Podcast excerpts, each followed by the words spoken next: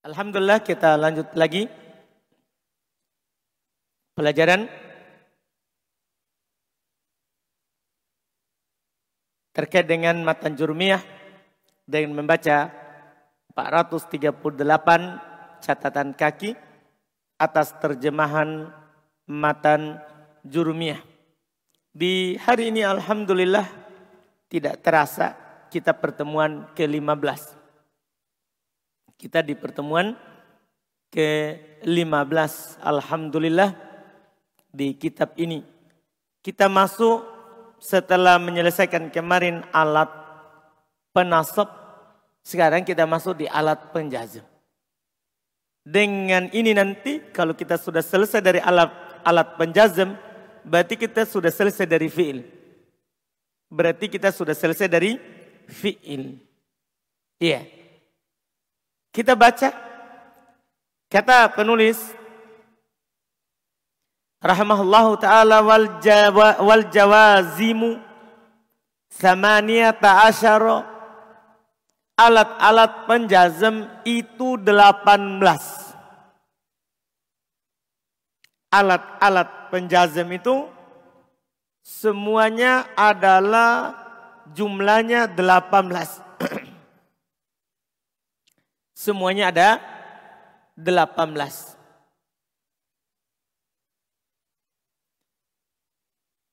Belum berkata wahya lam wa lamma wa alam wa alamma walamul amri wa du'a wala nahi wa du'a wa in wa ma wa man wa mahma wa idma wa ayyun wa mata wa ayyana wa aina wa anna wa haithuma wa kaipama wa idan fi syi'ri khassah Kata beliau dia adalah lam. Ini yang pertama. Alat penjazam yang pertama lam. Ini yang kita contohkan di sebelumnya. Walamma yang kedua lamma. Yang ketiga alam. Yang keempat adalah alamma. Yang kelima lamul amri wad du'a. Yang keenam la pinnahi wad du'a. Yang ketujuh in. Yang kedelapan ma. Yang kesembilan man. Yang kesepuluh mahma. Yang kesebelas idma. Yang kedua belas ayun. Yang ketiga belas mata. Yang keempat belas ayana. Yang kelima belas aina. Yang ketujuh belas, yang ke berapa? Enam belas anna. Yang ketujuh belas haithuma. Yang ke delapan belas kaifama. Kemudian yang ke-19 idan fi syair khoso. Idan khusus pada syair. Makanya belum bilang cuma 18. Karena belum tidak masukkan siapa? Idan. Tapi kalau kita jumlah semua yang belum sebutkan 19. Yaitu dengan kata apa? Idan. Tapi belum bilang fi syairi khoso. Khusus pada syair. Ya kita kan di Quran tidak ada. Tidak syair. Bukan syair. Di hadith tidak syair. Paham kan? Ya di kitab gundul juga jarang syair. Jarang yang terakhir ini, yang ke-19. Khusus pada apa? Syair. Inilah alat-alat penjazem. Lebih banyak daripada alat apa? Penasab. Lebih banyak daripada alat penasab. Tapi kalau dilihat dari pembahasan, lebih mudah. Lebih mudah. Tidak ada repot lagi disembunyikan an. Karena semua ini menjazam dengan dirinya. Tidak ada yang dijazam pakai apa? Perantara. Perantara. Kita tulis semuanya. Iya. Yang pertama apa? Hmm? Lam. Yang kedua? Hah? Lama. Yang ketiga? Hmm? Alam. Yang keempat? Hmm? Alamma. Yang kelima, hmm? lamu al-amr wa ad-du'a. Yang keenam, hmm? la ha? fi an-nahi hmm? wa du'a. Iya. Kemudian berikutnya yang ketujuh Hmm? In. Yang kedelapan.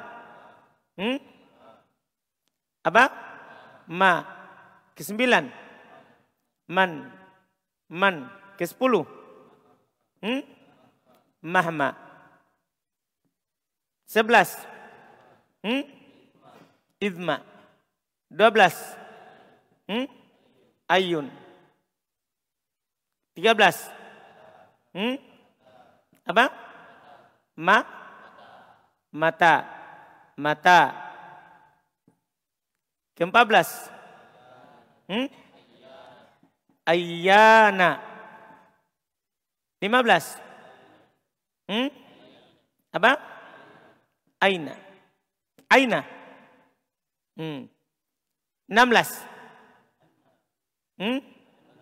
Anna. Tujuh belas. Tujuh belas. Apa? Hai. Hai. Delapan belas. Hmm?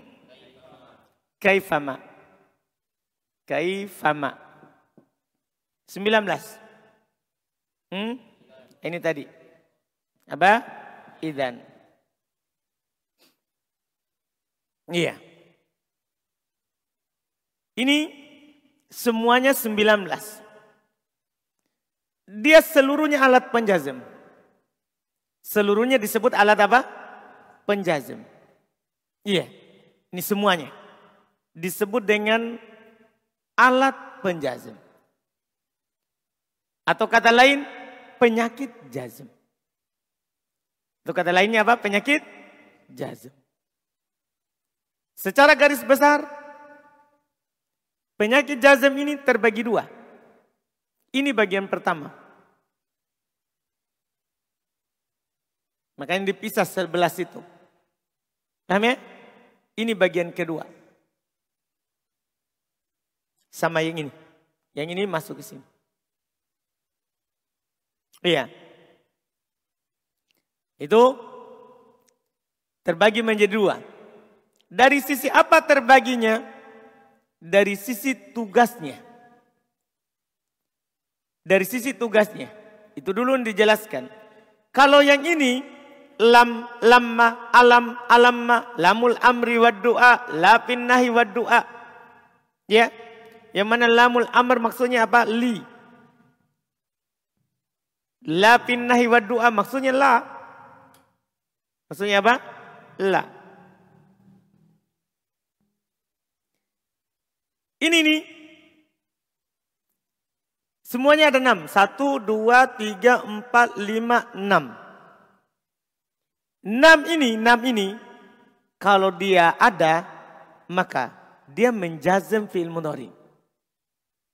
Enam ini, yaitu lam, lamma, alam, alamma, lamul amr wa du'a, lapin nahi wa du'a. Lamul amr wa du'a maksudnya li.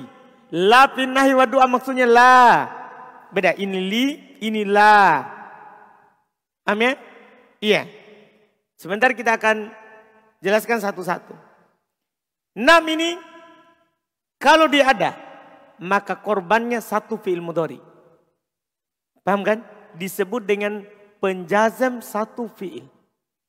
Ini enam ini. Lam, lamma, alam, alamma, lamul amr, wadu'a, la nahi, wadu'a. Kalau dia ada menjazam satu fi'il. Artinya korbannya berapa? Hanya satu saja. Paham ini? Semua alat ini dia korbannya hanya satu. Satu fiil, tidak ada dua. Cuman satu. Dan kalau dia ada maka fiil mudhari dijazam. Apa alamat jazamnya? Tergantung fiil yang kita pelajari sebelumnya. Kalau fiil mudhari sohi akhir seperti yaktubu. Yaktubu. Masulam. Apa antum baca? Yaktubu. Masulam. Lama. Hah? Sama tugasnya, sama tugasnya. Masukkan lama. Masukkan alamma. Alam. Alamma. Lamul amr wa du'a. Li, li. Hah? Li. Nah ini maknanya, maknanya beda dengan li sebelumnya. Kalau li sebelumnya maknanya agar supaya. Kalau ini maknanya perintah. Hendaklah. Hendaklah. Ada di buku. Paham ya? Dia penggunaannya bisa untuk amr. Dikatakan amr. Bisa juga dikatakan doa. Dikatakan amr kalau dari atas ke bawah. Dari yang paling tinggi kedudukannya ke yang rendah namanya perintah. Paham ini? Tapi kalau dari bawah ke atas namanya doa. Tidak boleh kita katakan perintah. Beradab, beradab.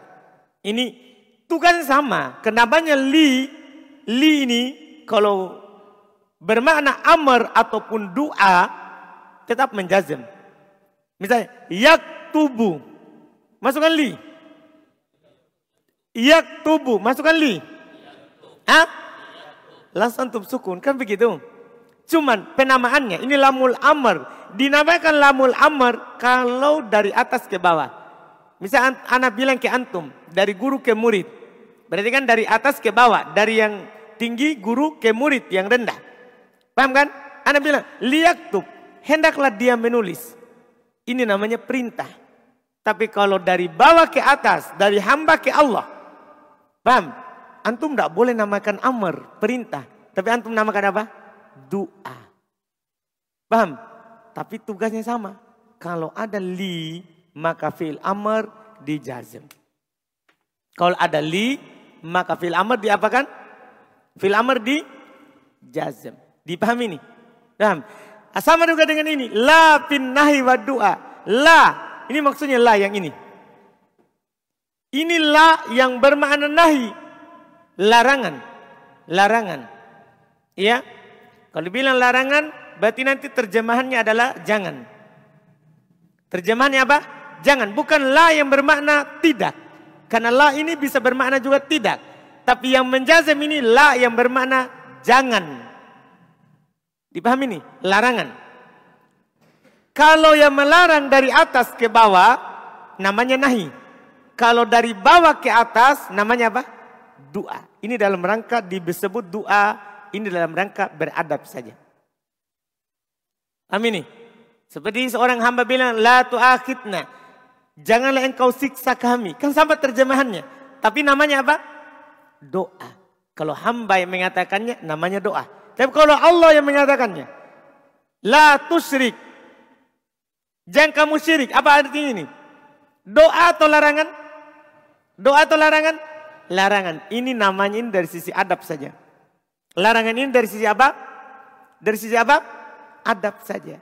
Yang mana tugasnya sama. Dia menja menjazem satu fi'in. Ketika anda bilang yak tubuh. Masukkanlah. La, la, la, la. Ini, ini. Yak tubuh. Masukkanlah. Hah? Langsung sukun. Pokoknya ini tugasnya sama. Kalau masuk film mudhari soal air langsung apa su? Sukun. Kalau masuk fi'il mudhari mutal akhir, misalnya sini ada yad'u. Yad'u. Masuk lam Ingat, apa tanda jazamnya fi'il mudhari mutal akhir? Apa tanda jazamnya? Hah? Apa sapri? Hapus apanya? Hmm? Wawunya. Huruf apa itu waw? Awal akhir.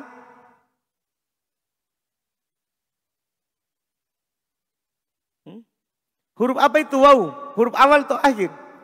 Hmm? Akhir. Hapus huruf akhir. Yaitu waw. Aman? Berarti. Yada'u. Masukkan lam. Hah? Masukkan lamma. Alam. Alamma. Lamul amr. Langsung li. Lamul amr itu li maksudnya dan lamu doa. Yada'u, masukkan li. Li. La nahi. Ha? Langsung hilang waw. Demikian pula antum kalau dapat kata yahdi. Langsung hilang ya. Dapat kata yardo. Langsung hilang apa? A. Alif. Dipahami ini? Kalau seandainya yang dia masuki adalah af'alul khomsah, maka apa yang hilang? Misalnya antum dapat kata ya yaktubuna. Yaktubuna. Masukkan alamma. Yaktubuna alamma.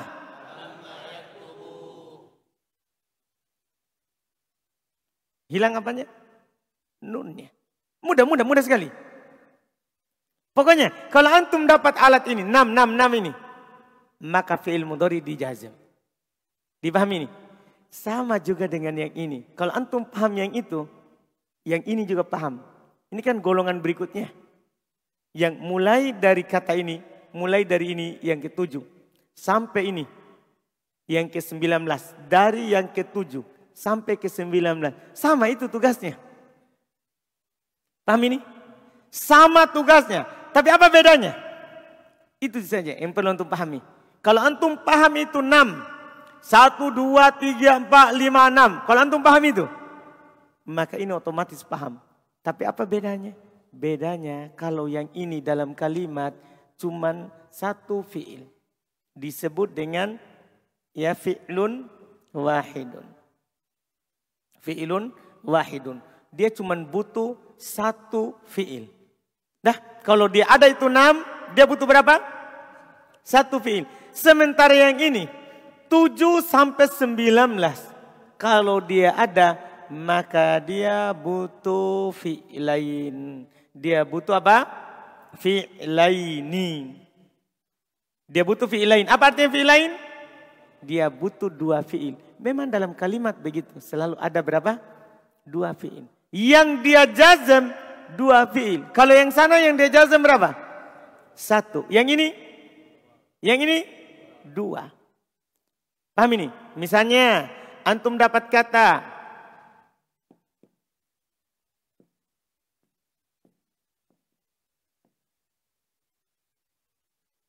Tadhabu adhabu. Nanti kata kedua anda harus langsung di sini. Boleh beberapa kata setelahnya. Yang penting dua fiil korbannya. Yang penting berapa apa? Berapa fil? Dua. Masukkan in. Apa antum bilang ini? Tadhabu adhabu. Masukkan in. Hah? Langsung dua korbannya. In tadhab adhab. Itu juga bedanya. Kalau yang ini enam. Menjazem satu. Maksudnya cuma satu fiil. Kalau yang ini berapa? Kalau yang ini berapa? Dua. Dan fiil yang kedua tidak harus langsung setelah sini. Boleh di antara oleh beberapa kata di sini. Baru ada fiil keduanya. Yang jelas korbannya berapa? Dua fiil. Dipahami ini? Sama-sama menjazem. Bedanya satu sampai enam menjazem satu. Tujuh sampai sembilan belas menjazem berapa? Menjazem berapa? Dua. Dipahami itu? Sangat mudah sekali. Dipahami itu? Siapa yang belum paham?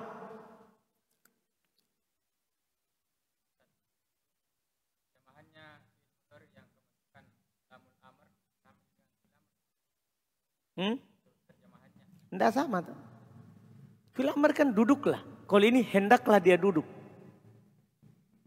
Beda tuh. Hmm.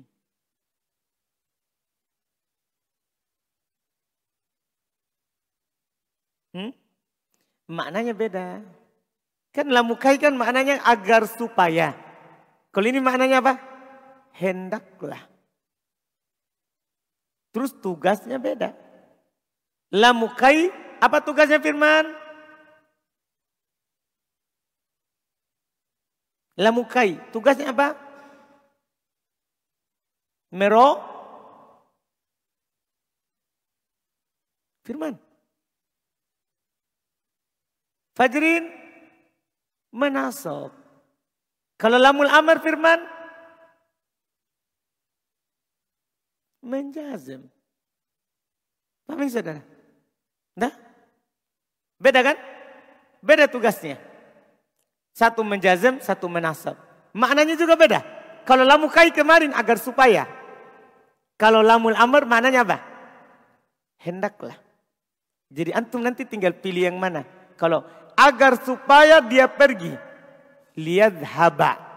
Harokat itu menentukan agar supaya maknanya. Kalau hendaklah dia pergi, lihat hab sukun.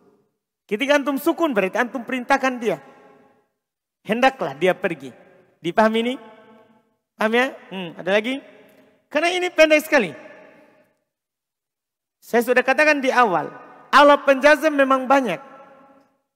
Tapi untuk memahaminya sangat pendek. Cukup antum tahu kalau ada alat ini fiilnya dijazam. Tanda jazamnya sudah kita ambil sebelumnya. Terus dia terbagi dua. Ada yang korbannya satu. Paham ini? Menjazam satu fi'il. Dan ada yang korbannya dua. Menjazam dua fi'il. Yang antum hafal jangan ini yang banyak. Yang dua. Hafal saja itu yang sedikit. Yang menjazam satu. Paham maksudnya? Yang menjazam satu adalah lam lamma alam alamma. Lamul amar lamu nahi. Itu bisa antum bilang lam lamma alam alamma la enam. Lam lamma alam alamma la itu satu fiil. Setelah itu selain itu semuanya dua fiil yang dia butuhkan. Yang dia butuhkan. Ada pertanyaan sebelum saya baca buku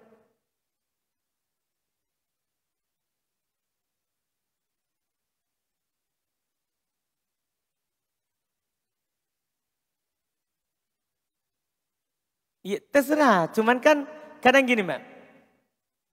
Eh, kalau fil amr kan mengharuskan orang yang ada di hadapan kita. Nah, kan kita bilang begini, idhab. Pergilah. Berarti kan orang yang ada di hadapan kita. Kalau lamul amr bisa kita perintahkan orang yang tidak ada di hadapan kita. Misalnya saya katakan kepada firman. Saya katakan pada firman, lihat Zaid ila suk. Saya bilang ke dia, hendaklah Zaid pergi ke pasar. Nanti firman kasih tahu. Ustadz suruh kamu pergi ke pasar. Bisa orang ketiga yang tidak ada di hadapan kita. Dipahamkan? Jadi dia perintahkan orang yang tidak ada di hadapannya. Kalau Amr yang ada di depan. Yang ada di hadapan kita. Itu bedanya. Fil lamul amr juga bisa orang yang di hadapan. Lebih umum dia. Penggunaannya dalam bercakap. Ada lagi?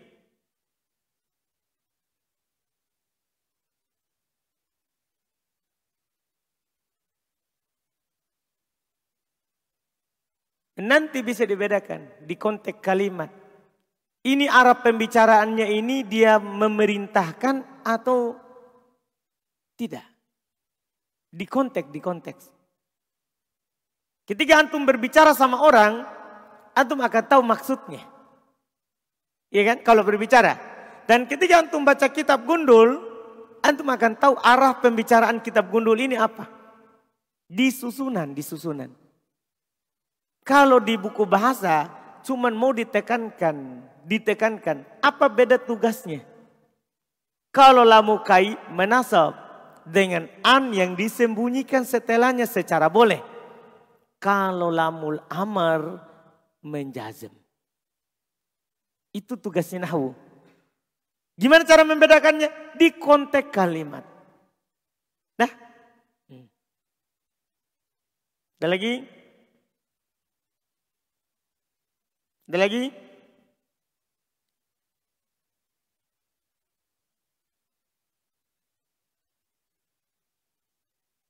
Tidak ada yang kedua. Hmm?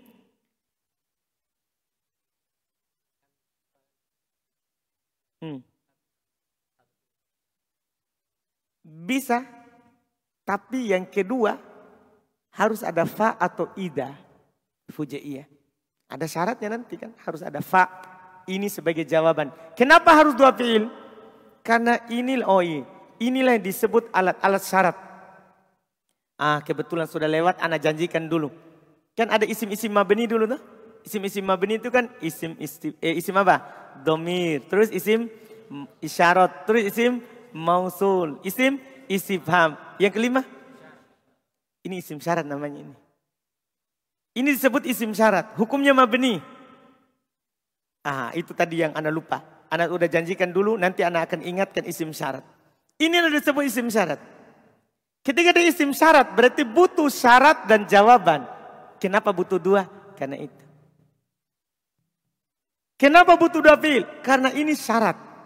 Isim-isim apa? Syarat. Berarti membutuhkan syarat seperti intadhab. Jika kamu pergi, itu namanya syarat. Adhab, saya akan pergi. Jawabannya. Paham ini?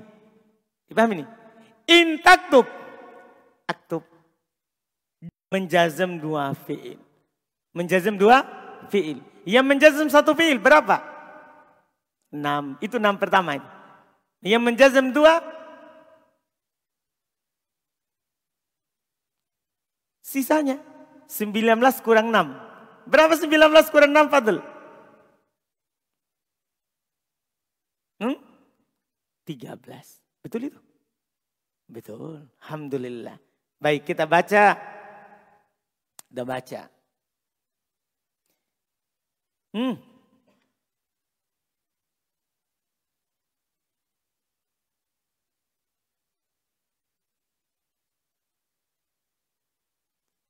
Kan namanya penjazamnya fi'il. Tidak. Tidak bisa kita bilang in zaidun amrun. Hmm?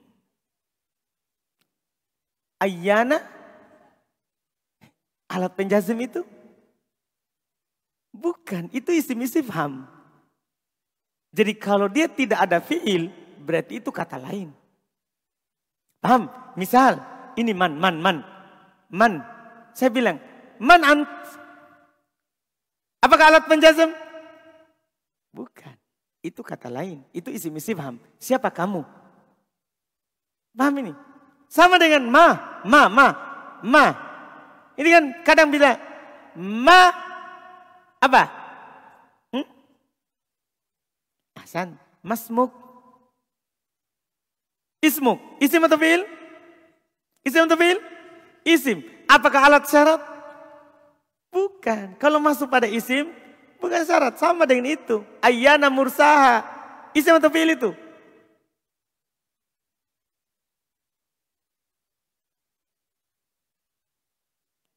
Tidak, jangan begitu. Bilang masuk pada fi'il. Ini penjazam fi'il. Paham kan? Kalau masuk pada isim, orang lain. Dipahami ini saudara? Hmm. Kan dibilang penjazam fi'il. Artinya akan berguna ketika dia masuk pada apa? Fi'il. Kalau masuk pada isim, bukan. Karena ini berserikat. Ini isim syarat. Berserikat sama isim is. Isim paham. Terjemahan yang beda. Misalnya ma. Ada isim isim paham. Ada isim syarat. Kalau isim isim paham. Apa? Apa artinya? Kalau sini apa pun. Mataf'alu min khairin ya'lamullah. Cari fiilnya dari situ. Mana fiil syaratnya? Yang pertama cari mataf'alu, oh taf'alu. Paham kan? Alamat jazamnya adalah hilang nun, taf'alu. Min bukan, khairin bukan, ya'lamullah. Berarti yang mana jawabannya? Ya'lam. Jadi yang dicari fiil, fiil dua, dua. Dua apa? Fi'il. Kalau sudah dapat yang pertama, cari yang kedua sampai dapat. Terserah 100 kilo kemudian, tidak apa-apa. Dipaham? Karena dia memang tugasnya menjazam berapa fi'il? Dua fi'il, bukan dua isim. Jelas ya? Jelas kan tugas awalnya? Hmm. Ada lagi?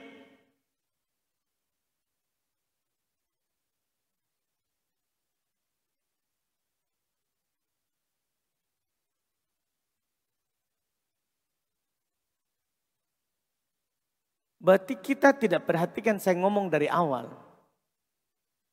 Dari awal saya sudah katakan. Ini semuanya penjazem sejati. Tidak terbagi yang sembunyi perantara. Tidak ada begitu. Dari awal itu saya ngomong. Betul nggak? Atau saya tidak ngomong. Lah antum. Kenapa telat datang? Dah? Hmm. Alhamdulillah. Selesai. Terakhir baru kita baca.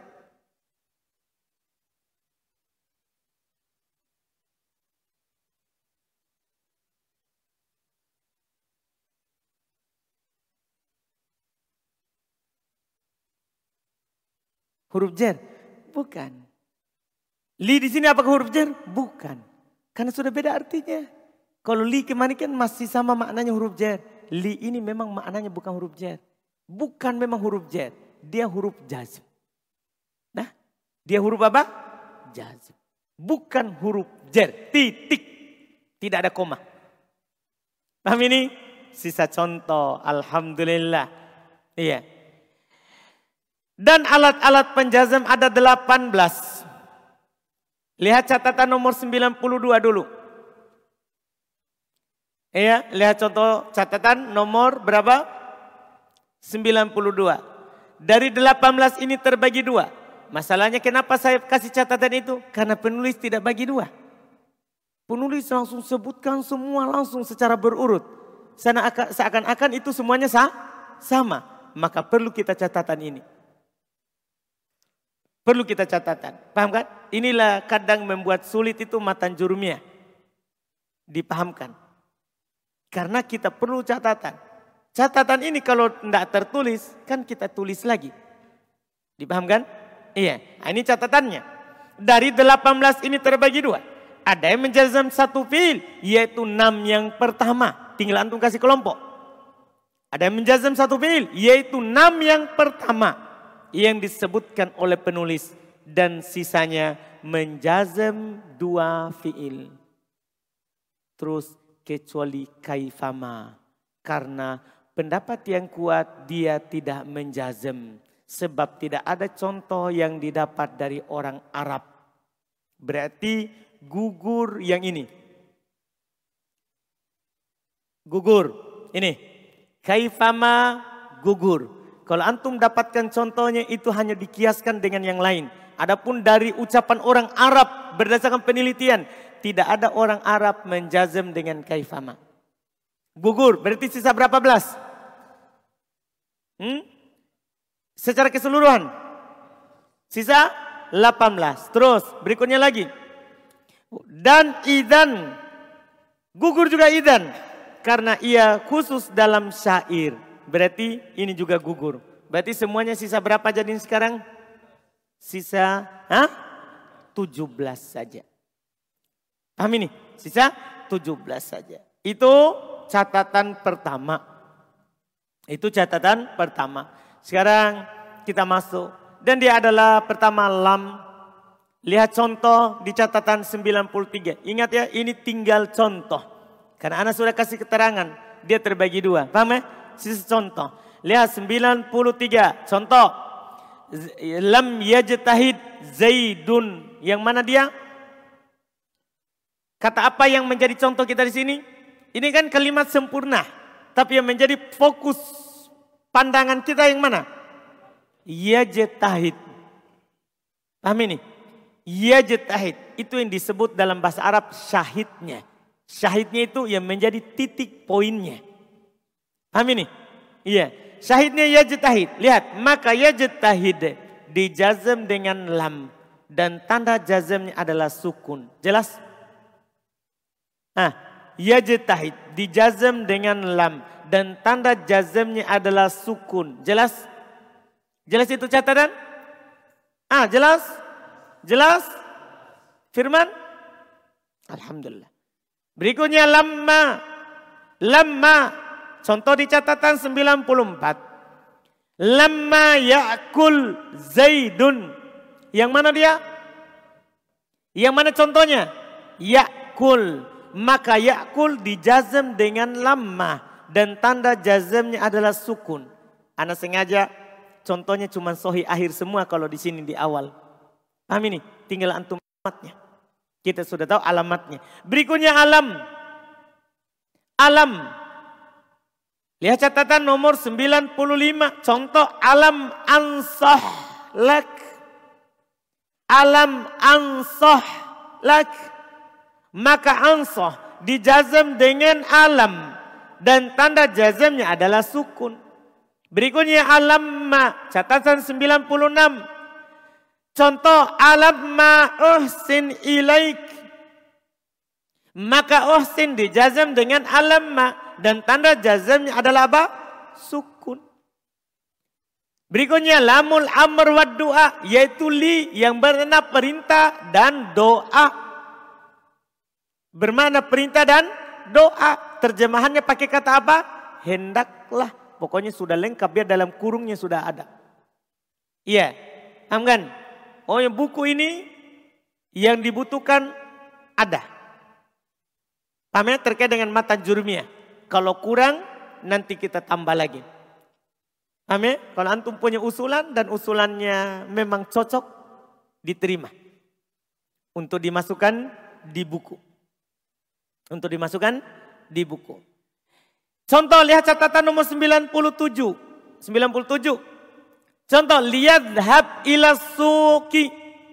Maka yadhab dijazm dengan lamul amr wa du'a dan tanda jazmnya adalah sukun. Tanda jazmnya adalah apa? Sukun. Berikutnya la finnahi wa. La yang bermakna larangan dan doa. Di dalam kurungnya terdapat terjemahannya jangan. Apa terjemahannya Sapri? Apa? Jangan pergi ke pasar. Hmm, enggak konsentrasi. Masa jangan pergi ke pasar terjemahannya. Jadi setiap antum dapat itu jangan pergi ke pasar. Dah, Misalnya nanti anak kalimatnya. La tadhab ilal bait. Terjemahannya jangan pergi ke pasar. Apa terjemahannya Sapri? La. La yang saya tak katakan saudara. Bukan la tadhab ilal suq. Apa terjemahannya la? Hah? Hah? Jalan. Jangan. Tidak pakai G. Pakai N saja. Karena kalau pakai G ayam. Nah, pakai N saja. Kalau jangan ayam. Paham? Di bahasanya sapri. Jangan. Apa? Hah? Nggak pakai G. Karena yang terucap masih pakai G. Hmm, makanya belum bilang jangan nggak pakai G. Hmm. Mantap saudara Sapri. Alhamdulillah. Hmm. Alhamdulillah. Mantap. Ya, Sapri, Sapri. Contoh 98, 98 dan ini yang terakhir yang menjazam satu fi'il. Contoh la tadhhab ila suq. Ini kalimat sempurna itu yang diterjemahkan oleh Sapri tadi. La tadhhab ila suq yang mana yang kita intinya adalah la tadhhab itu saja. Karena ila suq bisa diganti ilal bait ilal masjid, ilal gurfah, ilal hammam, ilal matbah. Bisa diganti itu. Yang menjadi poin kita, la tadhab, la ta'kul, la taqtul, la tasrob. Pokoknya kalau ada la, maknanya jangan pakai n, maka menjazim. Menjazim. Jelas ya? Jelas ya? Contoh itu sudah. Maka keterangannya keterangannya. Yang dikatakan di situ maka tadhab dijazm dengan la nahi wa doa dan tanda jazmnya adalah apa? Sukun. Selesai yang menjazm satu fi'il. Berikutnya in. In. Tadi kan anak sudah katakan, tidak perlu lagi anak bilang di sini, ini mulai menjazm dua fi'il. Sudah dikatakan di awal, enam pertama satu. Sisanya Dua. Paham? Tinggal contoh. Contoh, lihat catatan 99. Intas birtu jar. Dua. Ini contoh pendek ya.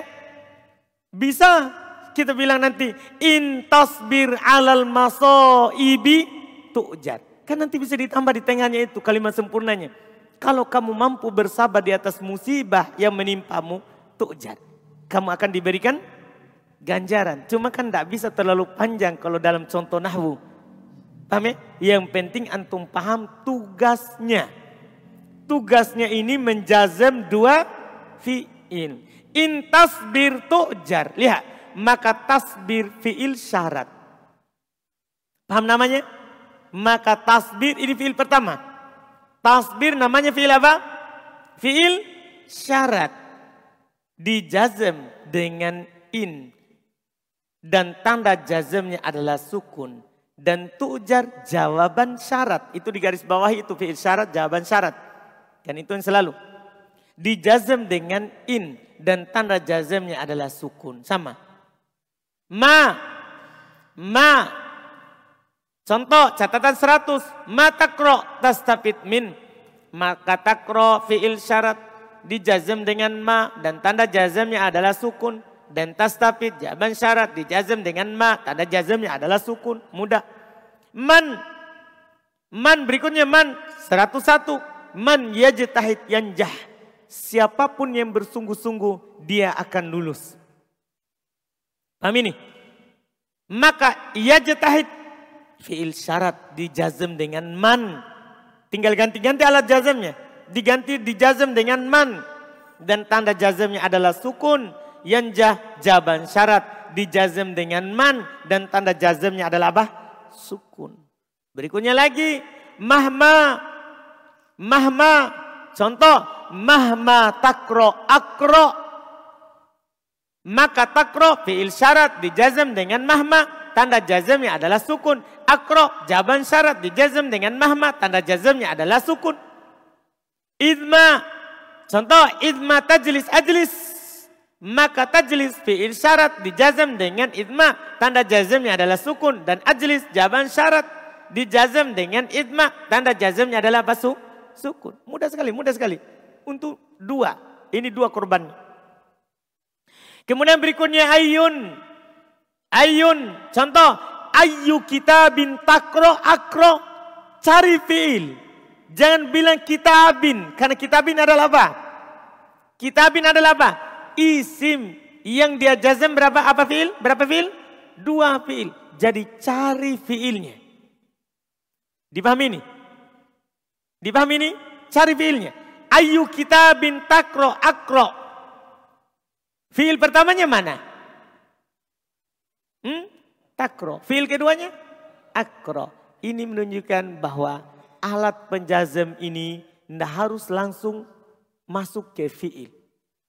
Paham maksudnya? Tidak harus langsung masuk ke fi'il. Kadang dia masuk dulu ke isim baru ada fi, fi'il. Yang jelas ini alat penjazam dua fi'il. Korbannya dua fi'il. Apakah langsung atau ada perantara? Ada perantara. Lihat. Maka takro. Kita tidak jelaskan lagi kitabin. Karena fi'il kita. Maka takro. Fi'il syarat dijazam dengan ayun. Dan tanda jazamnya adalah sukun. Dan akro jawaban syarat di jazm dengan ayun. Anda jazmnya adalah sukun. Berikutnya mata. Mata tusafir usafir. Mata tusafir usafir. Maka tusafir fi'il syarat di jazm dengan mata. Dan tanda jazmnya adalah sukun. Dan usafir jawaban syarat di jazm dengan mata. Dan tanda jazmnya adalah sukun. Sama. Berikutnya ayyana. Ayyana. Contoh ayyana ta'tini ukrimka. Ayyana ta'tini ukrimka. Maka ta'ti. Ta'ti. Bukan ta'tini. Karena ni itu sambungannya ini. Ni kan ta'tini. Fiilnya itu hanya ta'ti. Fiilnya apa? Hanya apa? Ta'ti. Ni ini orang lain. Itu kata kedua. Paham ya? Itu orang lain. Yang menjadi tandanya di sini ta'ti. Ta'ti. Nah, ini contoh untuk mutal akhir.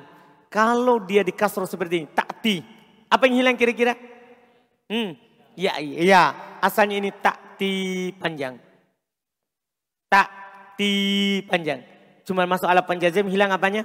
Ya. Jadi kalau kalimat panjangnya ta'ti ni. Paham ini? Tapi karena masuk alat penjazim akhirnya hilang apa? Ya-nya setelah tak. Jadi tak Lihat keterangannya. Maka taati. Fi'il syarat dijazam dengan ayana. Dan tanda jazamnya adalah penghilangan ya. Paham ini? Karena itu adalah fi'il mudhari mutal akhir. Jelas? Jelas? Febri? Jelas saudara? Yakin? Penghilangan apa ini? Hmm? Iya. Hasan. Iya. Kemudian lihat keterangan berikutnya ukrim. Jaban syarat dijazam dengan ayana. Tanda jazamnya adalah sukun. Berikutnya lagi. Aina. Aina. Nah contoh. Contoh. Aina taskun askun. Mudah. Aina taskun askun. Maka taskun fi'il syarat. Dijazam dengan aina. Dan tanda jazamnya adalah sukun. Dan askun jaban syarat. Dijazam dengan aina. Dan tanda jazamnya adalah sukun.